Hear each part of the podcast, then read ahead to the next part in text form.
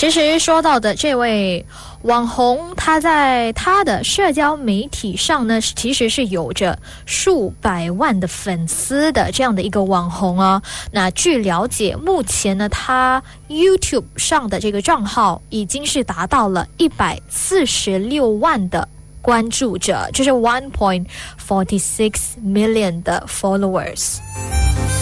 那是不是感觉有一些反差呢？如果说他唱歌特别的难听，怎么会有那么多人关注他的账号，对不对？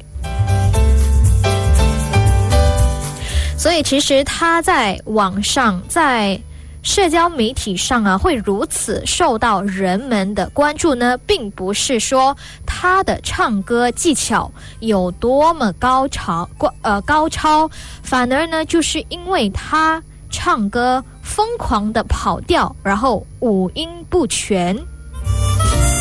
就是人看了会很开心、很好笑的那种。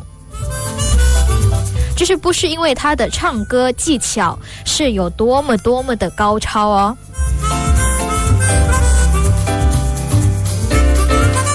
就是因为他的这种疯狂啊，然后呃跑调啊、跑音呢。就会让我们感觉到很好笑，很很看了就会很轻松、很放松的那种感觉。所以就是会有很多的人呢，把他唱的这首呃，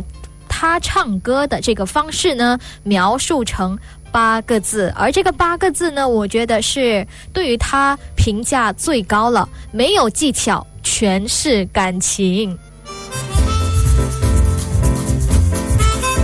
所以，根据新闻上的这个报道分享，他被抓捕的原因是因为有太多的网民以及当地的人民有举报他在翻唱一些。国家的经典传统歌曲的时候，把歌曲进行了扭曲。之外呢，他在唱一些其他的歌曲、演唱歌曲的时候，然后拍视频当中呢，在未经过允许的前提之下呢，他就私自穿着当地警察的制服，而且呢，在此前他也是有翻唱了孟加拉国获得过。诺诺贝尔奖的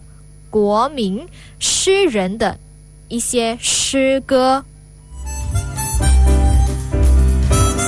而这些经典传统歌曲，在在当地的国民当中都是耳熟能详的歌曲，对不对？却被他唱到让人忘记原本的那个曲调了。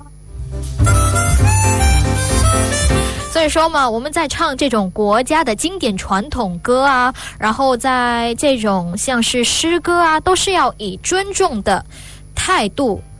去唱的嘛。那因此，人民就会认为呢，这种行为那已经是对于。